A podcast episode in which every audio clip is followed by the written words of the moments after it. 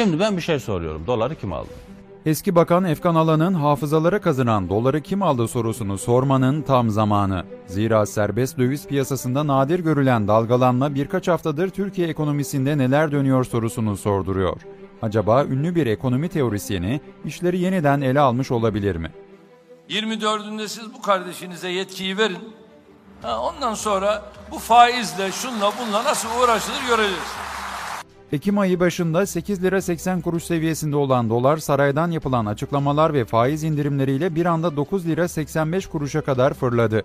Sonrasında da çıktığı noktadan hızla gerileyen döviz neredeyse 1 liralık bir bantta gitti geldi. Bu baş döndürücü hızı tarif etmekse çok zor. Kriz diyor. Ya Türkiye'de bir defa kriz yok. Önce bir ekonomiyi öğren.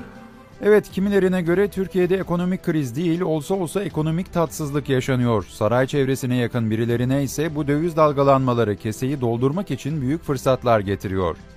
Dolarda sert yükselişler planlı bir kur hareketi olduğunu teyit ediyor. Çünkü Cumhurbaşkanı Erdoğan önce bir açıklama yapıyor. Dolar bir anda 35-40 kuruş yükseliyor. Sonra tansiyon bir şekilde düşürülüyor ve kur krizin başlangıcındaki seviyenin hemen hemen aynı noktaya o seviyeye geliyor ya da aşağıya iniyor. Böyle bir piyasa olmaz. Eğer bu bir serbest piyasaysa zaten bu kadar hızlı yükselmemeliydi.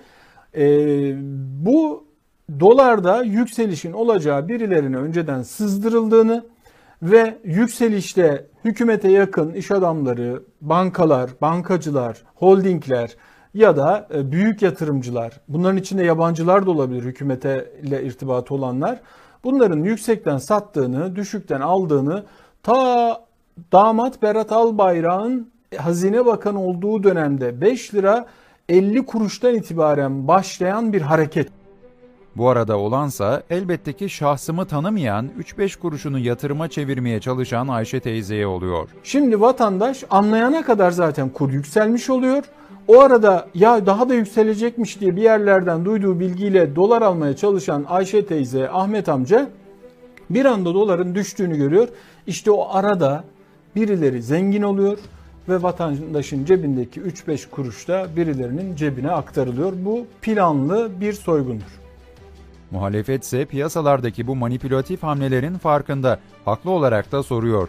Doları kim kaça aldı, kaça sattı? Son iki güne bakıyorsun 1 milyar dolar para satın alınmış ve gece satılmış. Ya şimdi bunu sormak benim hakkım değil mi kardeşim? Kim aldı, kaça aldı ben bilmek istiyorum. 128 milyar dolarlık Merkez Bankası rezervlerini de bu yolla birilerine satan ekonomi yönetiminin bu hamlelerine ayak uydurmak zor. Hatta öyle bir düzen kurulmuş ki gizli bir el bir yandan borsayı ayakta tutuyor, diğer yandan da döviz piyasasını dalgalandırdıkça dalgalandırıyor. Hareketlere bakıyoruz. Dolar bir anda 50-60 kuruş, 30-40 kuruş yükseliyor. Ama Borsa İstanbul bırakın düşmeyi, yerinde saymayı yukarıya doğru hamle yapıyor. Bu aslında e, terazinin iki kefesi. E, aynı el tarafından, gizli el tarafından planlanan bu senaryo hem borsayı yüksekte tutuyor, varlık fonunun yaptığı alımlarla bu borsa yüksekte tutuluyor endeks olarak. Oysa dolar bazında geçen yılla bugün arasında nereden baksak %30'dan fazla geriye gitmiş borsa. Muhalefet saraydan kimlere haber uçurulduğunun, kimlerin dolar zengini yapıldığının Merkez Bankası kayıtlarıyla bulunabileceğini belirtiyor. Yoksulluğun günden güne hissedildiği Türkiye'de ise halkı zor günler bekliyor.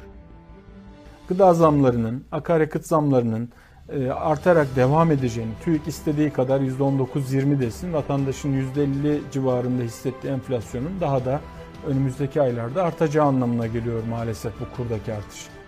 Şimdi Türkiye halkına düşen tek şey ise ısrarla aynı soruyu sormak. Doları kim aldı? Şimdi ben bir şey soruyorum. Doları kim aldı?